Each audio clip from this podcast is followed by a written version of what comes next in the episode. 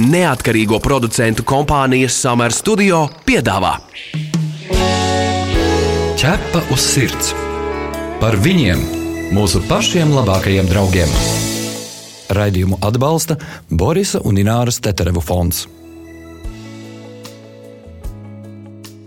Esiet sveicināti, darbie Latvijas radio pirmā kanāla klausītāji. Raidījums ķepa uz sirds ir klāts. Mani sauc Magnus Eriņš, un mana kolēģi Ines Kreitsberga man pievienosies jau pavisam, pavisam drīz ir laiks parunāt par šo pavasari, jo tas jau ir klāt, un arī to bieži mēs saucam par kaķu laiku. Starp citu, atklājām kādu interesantu faktu, ko mums izstāstīja viena šķirnes kaķu audzētāja, ka kaķiem ir vēlme pāroties tikai un vienīgi, kad apkārtējā vide un laikapstākļi ir ideāli. Nav ne pārāk augsti, nedz arī pārāk karsti, un kaķene jūtas absolūtā un pilnīgā komfortā. Vai to var attiecināt tikai uz šķirnes dzīvniekiem, vai arī uz visiem, to mums grūti ir teikt. Bet sanāk, ka šajā jautājumā kaķi ir daudz attīstītāki un prātīgāki par vienu otru no cilvēkiem. Šodien runāsim par kaķiem, un pie mums studijā viesos ir patvērsmes kaķa sirds vadītāja Laura Podžuka. Es sveicinātu Laura! Čau, Magnus, čau, klausītāji! Ķepa uz sirds noskaidro Atkal tiekamies un atkal runāsim par, par svarīgu lietu. Skatu pavasaris ir klāts. Tas kā jau katru gadu šis temats tiek apcelāts dažādos veidos. Kas aktuāls jūsu pusē? Jā, kā jau tu saki, pavasaris ir klāts, un neskatoties to, ka visi ar lielu sajūsmu gaidām koku un puķu plaukšanu, ar tikpat lielām bažām gan patversmes, gan brīvprātīgie gaida nu jau nu pat, nu pat kaķēnu un arī kucēnu uzlidojumu, kas ir, kā sakas, nesterilizācijai. Bet kā ir ar tiem kaķiem? Tiešām tas kaķu laiks ir saistīts ar to, ka kaķi paliek rosīgāki, jo gluži objektīvi vienkārši laiks kļūst siltāks? Gluži vai tas ir saistīts ar laikapstākļiem, nemāku komentēt. Jā, protams, pavasarī ir krietni vairāk mazuļu, bet jāņem vērā, ka ne tikai pavasarī piedzīvojam kaķēnu metienu, kaķenē tas var būt līdz pat trīs reizēm gadā. Pastāst vairāk par šo līdz pat trīs reizēm gadā, jo vakar patiesībā ar savu vecmāmu runāju. Viņa teica, ne, pavasarī, pēc tam jau vai tad, vai tad, vai tad es saku, bet jā, ir.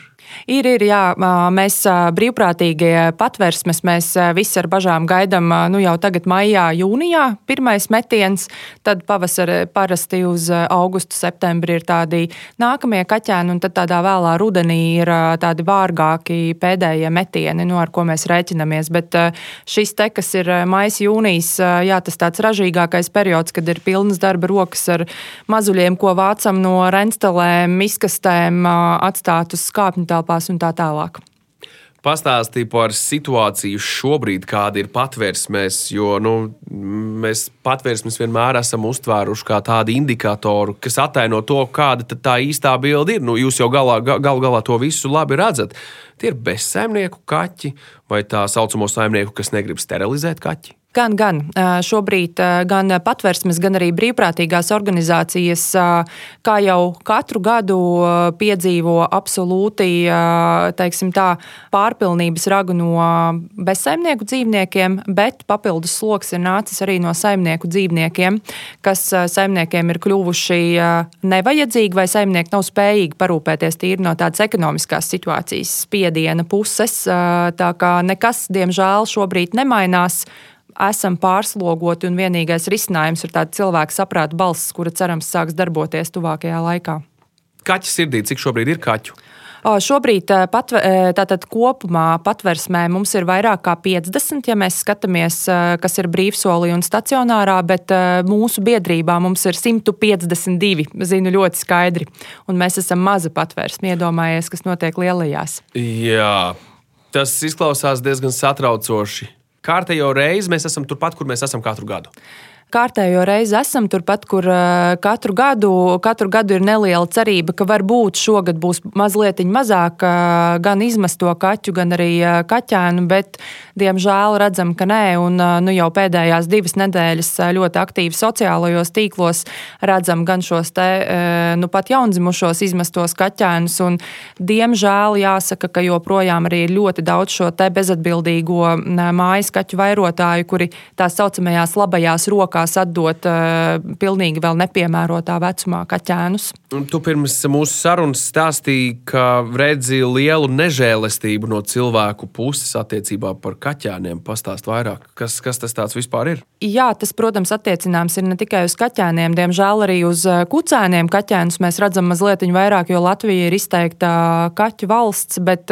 kā jau sarunas sākumā tu teici, mēs mazliet vēl dzīvojam tādos viduslaiku apstākļos, kur cilvēks uzskata, ka tā ir norma atbrīvoties no jaundzimušas radības, iemetot to plastikāta maisā, miskastē, ietītu zeķu biksēs, nomest pie kaķu mājām.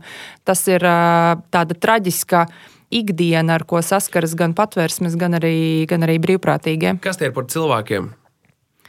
Pamatā šādi te, kas ir izmestie kaķēni un arī kucēni, pamatā šie ir saimnieku, dzīvnieku nesterilizācijas sekas, kādu mums nelīdz galam saprotamu apsvērumu dēļ mājas kaķis vai mājas suns nav sterilizēts, piedzimst kaķēni, kucēni, un tad cilvēks no viņiem atbrīvojas. Kur lielākoties notiek šī necilvēcība? Pilsētās vai laukos?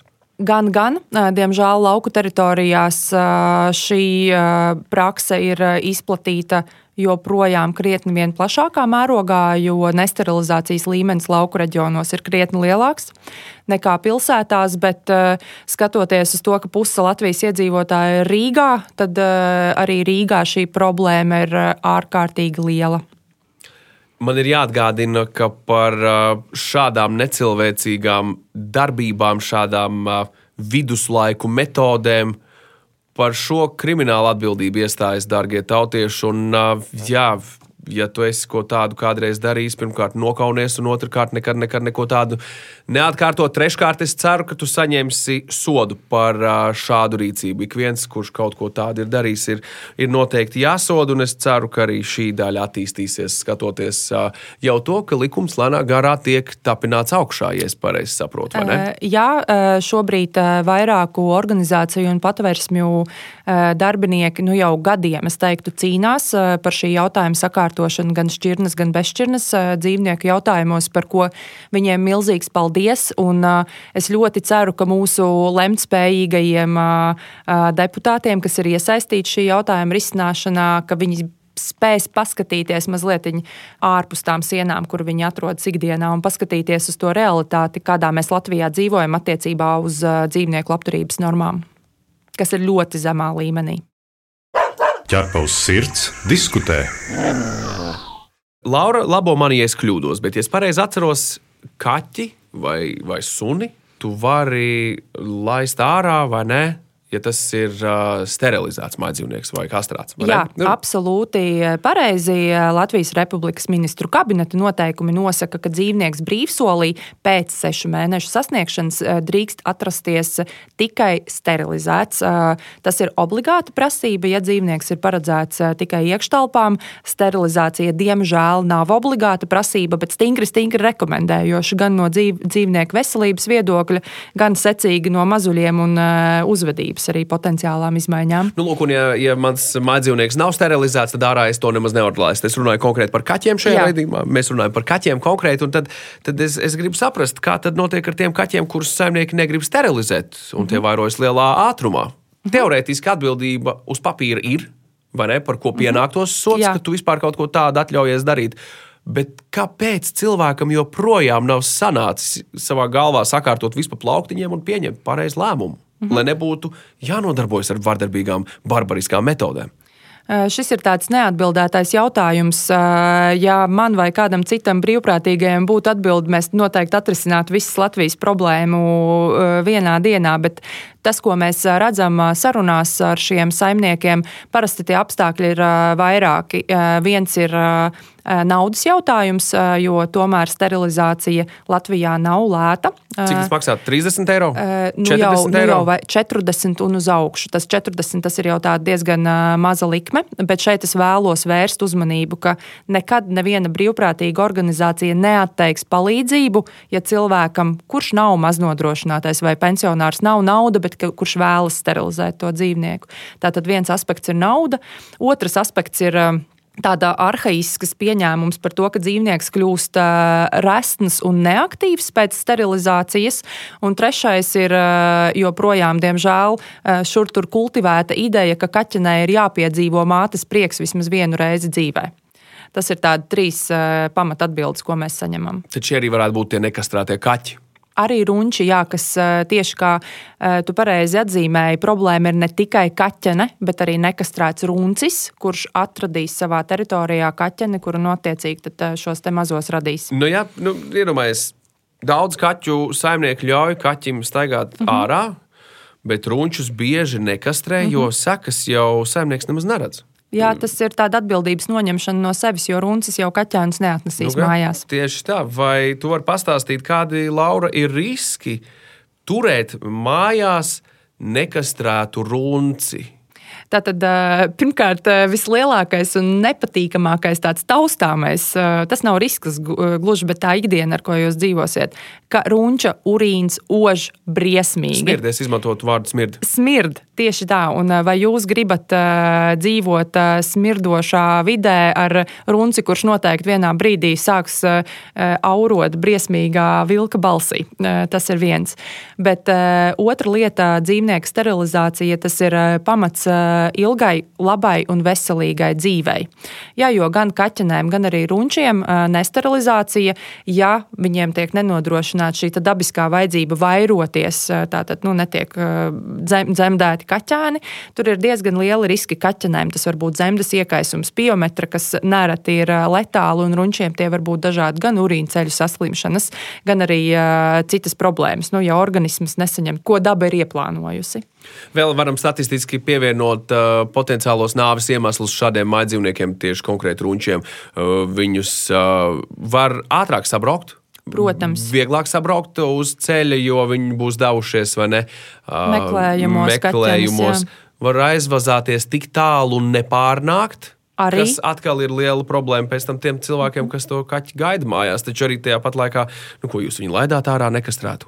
Jā, absolūti. Kaķis šādā meklēšanās laikā var aiziet no mājām pat vairākus desmit kilometru un nenākt mājās nedēļām ilgi. Un šie riski, kas ir gan, gan zvēri, gan automašīna, tas ir aspekts, ar ko ir jārēķinās, ka jūs varat nesagaidīt savu mājdzīvnieku mājās. Jā, jūs medītājs var kļūt par medījumu, var sakauties ar, ar citu sugas brāli un mirt no ievainojumiem kaut kur nezināmā vietā, kur jums pat jā, jā. nebūs nekāda iespēja nekad uzzināt par to, kas ar jūsu mājas mīlu ir noticis tik tā viena iemesla dēļ, ka jā, nekastrēts un laists laukā brīvsolīt. Es gribēju atgādināt, ka pie mums šodien studijā ir kaķu glābēja Laura Podžuka, un es gribēju vēlreiz jums visiem teikt to, ka šo radiopārraidi, protams, varēsiet dzirdēt arī podkāstu formā, populārākajās straumēšanas vietnēs, kā arī ķepa uz sirds mājaslapā arhīva sadaļā. Tu esi mans draugs, ķepa uz sirds. Parunāsim par atvērtiem logiem. Pavasaris mm -hmm. ir laiks, kad uh, mēs logus taisām aizvien biežāk un biežāk vaļā. Mm -hmm. Ir lieliski, ja lokus ir vienas rūtas lokus, te augstu to tā, viens liels lokus, ko tur vienu vērienu var attaisīt vaļā. Malas joprojām ir iekšā arkās, gar mhm. sāniem mm -hmm. kaķis netiks klāt, bet sēdēt uz palodzes viņš var un viss ir kārtībā. Tādi logi ir ir, ir ok. Bet iedomājieties, šis viens lielais rūtas lokus tiek sadalīts divās daļās, kur mm. viena daļa taisās vaļā, otra daļa ne, mm. kur kaķis no sāna var tikt klāt. Atvērtajai, veidā atvērtajai loga daļai, tas lūk, kļūst ļoti, ļoti, ļoti bīstami. Potenciāli riski viņš tur var iestrēgt. Jā, tātad jebkurš uh, lokus uh, ir bīstams dzīvniekam, ja logam nav izvietots iets, vai ja šajā tevis minētajā vēdināšanas, jeb V eh, režīmā nav izvietota reste apkārt logam. Tādēļ, ka... Tā reste palīdz. Es esmu redzējis, jā, eh, mēģināsim jā. izskaidrot klausītājiem. Tā reste mm -hmm. diezgan neglīta uzparīgta ir patiesībā no dizaina viedokļa fatāli briesmīga. Es ceru, ka diezgan. kāds, kāds uztaisīs kaut ko jēdzīgāku un smukāku. Dizaineri sārosieties, te jums ir bizness. Tā reste nosedz šo te brīvo piekļuvi atvērumam. Gaisa cirkulēs cauri, mm -hmm. bet kaķis nevarēs. Nu, ķepu viņš mm -hmm. tur ievāzt varēs, bet, mm -hmm. bet uh, cauri netiks. Tiešām palīdz. Tiešām palīdz. Tas ir tāds tā kā apgāsts ūburtiņš, kurš nosedz gan augšējo malu, kur dzīvnieks var ielikt, gan sānu malu. Tādēļ, ka šajā vēdrežīmā patiesībā, ja saimnieks nav klāt, ja dzīvnieks iestrēgs, tad tas ir letāls iznākums. Jo pāris minūšu laikā, vienalga vai tā ir spranda vai tā ir vēdera zona, absolūti tiek tātad, traucēta apasiņošana. Ja kaķis nenosmok uzreiz, tad traucētās apasiņošanas rezultātā tiek pārtraukta normālā orgānu darbība, un kaķi visticamāk reanimēt nevar. Kādēļ ir vajadzīgs šis U-burts un uh, stabili sieti. Uh, diemžēl šeit man kā pašai, kā kaķu glābējai, ja ir jādalās ar savu rūkto pieredzi, nu jau uh, divus gadus atpakaļ mēs mūsu ģimenē zaudējām kaķi. Kurš uh, ieleca vēdrežīmā 30 sekundžu laikā, kamēr mēs gājām pakaļ ieliekamajām restēm. Tātad tas, ko es gribu teikt, ka drošība no restu viedokļa ir tikai patstāvīgas restes, kuras logā atrodas visu laiku. Jā, tā tad tas var būt pāris sekundžu jautājums, kad jūs no sava mīļu, mīluļa būsiet spiesti šķirties. Tur runā par šīm UV veida plasmasas restītēm. Ja es pareizi atceros, tās bija plasmasas vai metāliskas. Gan, gan, ja, ja, ja... Jā, tas ir vēdrežīmam paredzētās. Jā. Mhm. Ir arī iegādājami speciāli mājdzīvnieku sieti, kurus ar rāmi var ielikt iekšā, izmērīt perfekti, uztaisīt tieši tādus, kādus jums vajag. Ir, ir cilvēki, kas ar to nodarbojas. Es saku, ir vērts arī padomāt par ko šā, šim līdzīgi. Absolūti, e, absolūti tas ir labākais risinājums, e, kāds ir iespējams. E, tieši tā kā tu saki, ir cilvēki, kas ar šo nodarbojas. Viņi liek šīs restes, kas patiesībā nekādā formātā neietekmē jūsu mājas dizainu, jo parasti tas ir ļoti, ļoti plāns alumīnijs, ko mēs arī iesakām labāk nekā moskīta tīklu, kuru tāds smagāks kaķis var normāli arī saplosīt tur burtiski vienā piegājienā. Un tad pie šāda sieta izvietošanas jūs automātiski izvairaties arī no šī V veida režīma, kas ir veidināšanas režīms, kur dzīvnieks var iestrēgt, jo jūs varat normāli atvērt logu, un tad kaķis var elpot, jūs varat elpot, tos tur neviens nekrīt ārā. Plus, uzreiz eh, šāda tāda ieguvuma. Ja ir šāda veida tīkls, tas nozīmē, ka eh, kukaiņi dzelē kukaiņi neiekļūst telpā. Jūsu kaķi nesadzels ne bites, ne kamenes, ne lapsenes, ne, ne kāds cits tāds uh, lidonis, kas var diezgan potenciāli. Tas var šoku radīt jā, dzīvniekam, jā, un bīstams. apstāties elpošanu. Kurā brīdī mēs varētu prasīt jau logu ražotājiem iekļaut ko tādu jau iekšā maģdzīvnieku sērijās? Starp citu, vairāki logu ražotāji jau piedāvā šādus te, kas ir maģdzīvnieku drošības sietus. Ja pagūglēs, paskatīsies šos pašus plastikātu logu ražotājus, te jau katram jau ir iekšā šis nosacīti moskītas sietas, ko var iebūvēt. O, ļoti labi. Tas ir, tas ir ārkārtīgi jauki visiem tiem cilvēkiem, kuri kaut reiz ir aizdomājušies par to, ka varētu mēģināt padarīt savu pirmkārt dzīvi mazliet komfortablāku mm -hmm. mentālās veselības sakrā, jo tev nav jāuztraucas mm -hmm. par mhm. to, vai tavs kaķis tev veidinot tavu guļamistabu, nav jau paspējis tur izkarināties ārā. Jā. Un, un, un vēlreiz jāuzsver, ja tu atstāji kaķi mājās, lūdzu, lūdzu, lūdzu visus logus kā vienu cietu nekādā gadījumā neatstājam uz, uz plašo veidināšanu vai pilnībā vaļā. Arī tas būtu pilnīgi pašsaprotami. Tu pazīsti kādu īpašu dzīvnieku draugu? Tavs kaimiņš vai kolēģis palīdz nelaimē nonākušiem suņiem un kaķiem? Varbūt kāds suns vai kaķis izmainīs tavu pašu dzīvi. Raksti mums, un mēs pastāstīsim šo sirsnīgo stāstu pārējiem klausītājiem. Iedrošināsim arī citus izdarīt kādu labu darbu. Gaidām jūsu vēstuli uz info atķepa uz sirds LV. Kā ar balkoniem? Jo tas ir tas, ko es esmu pamanījis Twitterī, uh, sekojot uh, savā For You uh, lapā, mm -hmm. pamanījis cilvēku jautājumus, ik pa brīdim ieteikumus, kā rīkoties, ko darīt. Man ir kaķis, bet man ir balkons. Kā es te varu visu nostiprināt un izveidot tā, lai mans kaķis varētu dzīvot tur droši? Balkons ir tieši tikpat riskants kā palodze, jo ko kaķis darīs, viņš neizbēgami leks uz balkona malas, un viņam nav tās baiļu sajūtas. Ja vai tas ir pirmais stāvs vai tas ir desmitais stāvs, viņš noteikti mēģinās noiet pa to balkona malu. Tādēļ ļoti, ļoti liekam pie sirds un rekomendējam, ja tā nav loģija, ja tas ir atvērtā balkona tips, tad vai nu liekam sietu apkārt visam balkonam, kas arī ir iespējams. Ir gan tie paši alumīnija sieti, gan arī tāda stingrāka plastmasa. Protams, tur ir jāsaskaņo ar to, jo tas jau ietekmē mājas fasādi, vai arī vienkārši tad kaķis neiet uz balkona. Tā vidusceļa nav. Piesiet kaķis siksniņā, diez vai tas būtu risinājums, jo kaķis var arī ar visu siksniņu izkārties ārā pa balkonu. Lūk, tā. Vai arī apmeklēt balkonu tikai un vienīgi cilvēku uzraudzībā, kur kaķis ir tavās rokās, un tu viņu neizlaidi nevienā brīdī ārā. Bet, nu, tad Protams, tas uh, var būt tāds laika pavadīšanas veids, ka tu sēdi ar to kaķi uz uh, balkona un pieturi viņu uh, rokās vai ar siksniņu, bet atceramies, ka kaķis tomēr ir plēsējis, viņam ir mednieka instinkti, viņš var nobīties, un tajā brīdī, kad kaķis ir sabijies vai viņš grib kādu nomedīt, viņš neskatīsies, vai tā ir tava seja vai tās ir tavas rokas, un tu pats vari tikt traumēts, un arī dzīvnieks var tikt traumēts. Tā ka ļoti, ļoti prātīgi ar šo kaķu izvešanu uz balkona vai kaķu izvešanu ārā. Ja ir jārēķinās, tad ar savām spējām un spēkiem viņu noturēt.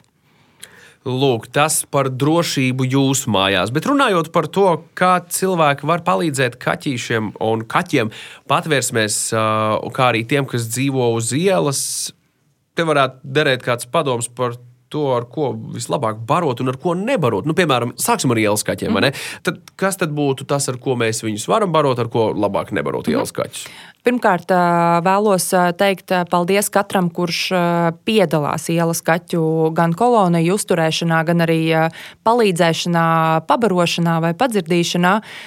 Bet vēlos atgādināt, ka kaķis nav visādājs un gluži lielos lielopa kaulus vai milzīgas līdaku galvas vai puspuvušas asakas vai putras, nu, visticamāk, kaķis nēdīs. Un labu gribēdami izliekot šādu ēdienu, jūs izraisīsiet tikai visticamāk negācijas apkārt dzīvojošajiem un nu, pret tiem kaķiem, protams, tā tik, tiks vērsta. Un kaitēkļi radīsies.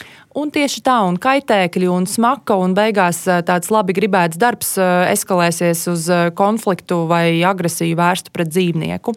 Ja gribas palīdzēt, un ja, piemēram, jūs neesat pazīstami vai neesat novērojuši šo ielas kaķu koloniju barotājas, tad noteikti jūs varat palīdzēt izvietojot.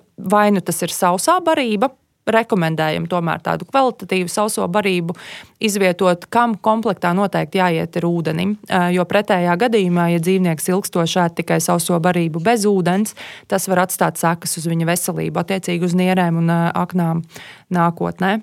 Protams, šādi subprodukti kā vistu kakli, eh, aknas, eh, sirsniņas, tas viss ir lieliski un eh, ļoti, ļoti derīgi dzīvniekam, bet arī šeit neaizmirstam, tad ievērojam, šo kārtību tā, lai mēs neradam pēc tam sapuvušas kaut kur gaļas atliekas ja, mm, pie mājās. Lūk, tas par ielas kaķiem un jūsu labvēlību pret tiem. Runājot par to palīdzības formu, kādu mēs varam uh, veikt par labu patvērsmēm un organizācijām, kas mhm. glābj mm -hmm. dzīvniekus, ne paņemot tos, piemēram, uz mājām, jo no nu, situācija neļauj uh, adoptēt kaķi vai, vai kādu citu dzīvnieciņu. Ko es varu darīt? Palīdzības un iesaistas formu ir ārkārtīgi daudz. Tad, protams, viena no lietām ir tīri materiāls atbalsts, kas ir vai nu naudas ziedošana, vai ēdiena ziedošana, vai smilšu mājiņu un tā tālāk. Otrs ir tīri fizisks darbs. Var pieteikties patversmēs, nākt palīdzēt tīrīt kaķus glaudīt, kas arī ir līdzsvarīgs darbs, jo kaķis ir sociāls dzīvnieks. Trešais ir dalīšanās ar informāciju, kas ir kritiski svarīga mūsdienās, kas ir tātad gan posti par māju meklējumiem, jo tu nekad nezini, vai tavs posts nesasniegs īsto cilvēku kaķa adopcijai, un, protams, dalīšanās ar informāciju par sterilizācijas nepieciešamību, par kāpēc jāapmeklē vetārsts, kāpēc jā, jāvakcinējas un tā tālāk. Tā kā materiāli, fiziski un eh, ar dalīšanos tu vari palīdzēt patversmēm un biedrībām. Tu esi mans draugs, ķepus sirds. Runājot par uh, kaķa adopciju, bet, mm -hmm. ja mājās jau ir kaķis, mm -hmm. iedomājies tādu situāciju, piecgadīgs kaķis, tev jau ir mm -hmm. runcis, piemēram, nu, tagad tu domā, nu, kaut ko jāatnes vēl, nu, draugs jāatnes? Mm -hmm. Tas Pirmkārt, ir forši. vajag vai nevajag, tas ir jāsaprot pašam. Mm -hmm. ir, ir gan par, ir gan pret lietas, tas ir jāizsver katram konkrēti, vai ne? Un, un kā, kā rīkoties? Ņemt kaķēnu, ņemt vienaudzi, ņemt vecāku kaķi. Tātad pirmais, kas obligāti ir jāņem vērā, ja jūs esat nolēmis adoptēt otru kaķīti, jums ir jāzina, vai jūsu kaķis ir vakcinēts un vai kaķis, ko jūs plānojat, ir vakcinēts. Ja? Lai, lai nesanāk neforša situācija, kad, pieņemsim, jūsu kaķītim vakcīna nav, jūs paņemat dzīvnieku, kurš ir vakcinēts, bet, piemēram, ir kādas slimības nesētājs un saslimst jūsu dzīvnieks. Tas ir būtiski. Runājot par to, vai ņemt runci vai kaķeni, vai mazu vai lielu, tas ir šoreiz gan vairāk tāda cilvēka gribēšanas un kādu viņš redz to savu otru mājdzīvnieku. Jo... Vai tad nav tā, ka tu vari noteikt pēc uh, savu kaķa ķermeņa valodas un viņa uzvedības viņš ir nu, sociālāks vai netik sociāls, vienpatis lielāks vai, vai kā citādāk. Tad to tu, no, to tu noteiksi, tad, kad tu atvedīsi to otru kaķi mājās. Jo, Aha. paņemam piemēru, vislielākais, visvarenākais runču boss mājās, kurš ir vienīgais un galvenais, tur ir divi scenāriji. Tu atved mazu kaķēnu mājās, viens ir, ka viņš šņāks un viņi tur blicēs ar ķepu pirmajās dienās un mēģinās visādi visādi citādi izdarīties. Otrs variants, ka viņš pilnīgā panikā nesapratīs, kas tas ir vispār atnācis, un viņš sēdēs noslēpies. Tur tie scenāriji ir ļoti, ļoti daudz. Tāpēc ir būtiska pakāpeniska saradināšana. Kad mājās tiek ievests šis otrs dzīvnieks, mēs nekad nerekomendējam uzreiz viņus samest vienā telpā kopā. Viņiem ir jāļauj saostīties. Rekomendējoši sākumā varbūt pat jauno dzīvnieku ir jātur atsevišķā telpā, lai arī viņam ir drošāk un tikai pakāpeniski jā, jāpaplašina viņa teritorijas. Un, tad tas, ko mēs varam darīt, mēs pirmkārt mēs varam paši arī palīdzēt šīm smaržām apmainīties, glaudot viņus ar vienu roku, vienu un tad otru. Periodiski varbūt tur plediņus samainot, tā kā lai viņi saprot un apjauš, ka ir vēl viena smarža mājās. Ļoti labi, paldies par šo ieteikumu. Uh, runājot par pēdējo uh, mūsu sarunas raidījuma ietvaros ķepos sirds noslēgumu, varbūt ir kāds īpašs kaķis, Laura, par kuru tu tagad gribētu pastāstīt visiem Latvijas radio pirmā kanāla klausītājiem. Nu, tādu kā audio vizītkarti, kurš noteikti augsts savus saimnieku un tic vai ne, bet tur otrpus uh, radioaparātiem Es ticu, ka dzirdīgas ausis saklausīs tavu sakāmo. Pateicoties jums, ķepus sirds, mums ir vairāki brīnišķīgi stāsti jau tapuši, kur īstais kaķis ir sastapis savu īsto saimnieku. Un tas, par ko es noteikti gribu šodien pastāstīt, ir par vienu brīnišķīgu lielu runci. Par lielu runci Gošu, viņš ir nu, nepārspīlējis uz kādiem 7,5 kg. Oh. Milzīgs runcis, kurš pie mums nokļuva nu, jau teju divus gadus atpakaļ ar uh, stāstu, ka viņš ir maza traumēta kaķenīte Maskačkas pagrabā. Nu, kad mēs saņēmām šo mazo traumēto kaķenīti, bija skaidrs, ka ne maza un ne traumēta, un ne kaķenīte noteikti. nu, lūk, bet Goša ir izbijis mājas kaķis. Viņš uzreiz zināja, kas ir dīvāns, kas ir ir tolete, kas ir cilvēks. Un, viņš būs tāds karalisks dzīvnieks, kurš laiski tev gulēs blakus uz dīvāna, tāds milzīgs, strīpains spilvens, un ļoti aktīvi piedalīsies arī tavā ikdienā, sekojot līdzi, kad tu tur pārvietojies pa māju. Tā kā Gošu var atrast gan mūsu Facebook, gan Instagram. Viņu tā arī var sagūglēt kā Goša. Un uh, tad jānāk ar viņu iepazīties. Jo tad, kad tu gošu satiec, tu saproti, ka tu vienkārši viņu negribi laist vaļā. Nu, ja man jau nebūtu pieci kaķi, man droši vien būtu goša. Goša būtu tavs priekšnieks. Jā, kaķis. jā, absolūti. Perfekti.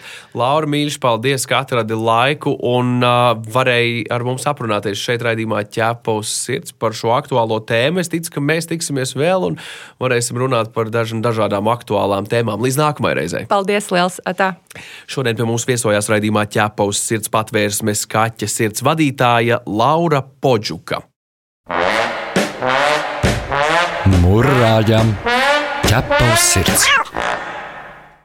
Es savukārt saku jums lielu paldies par klausīšanos un ceru, ka ņemsiet vērā kādu no ieteikumiem saistībā ar sterilizāciju vai kaķu drošību mājās, vai to veidu, kā varat palīdzēt gan patvērsmes kaķiem, gan ielas kaķiem. Kā arī loģiski, ka katru dienu jāiemācās kaut kas jauns, jāizlasa kaut kas jauns, lai mēs visu laiku būtu lietas kursā un saviem maidzīvniekiem varētu nodrošināt vislabāko iespējamo dzīvi.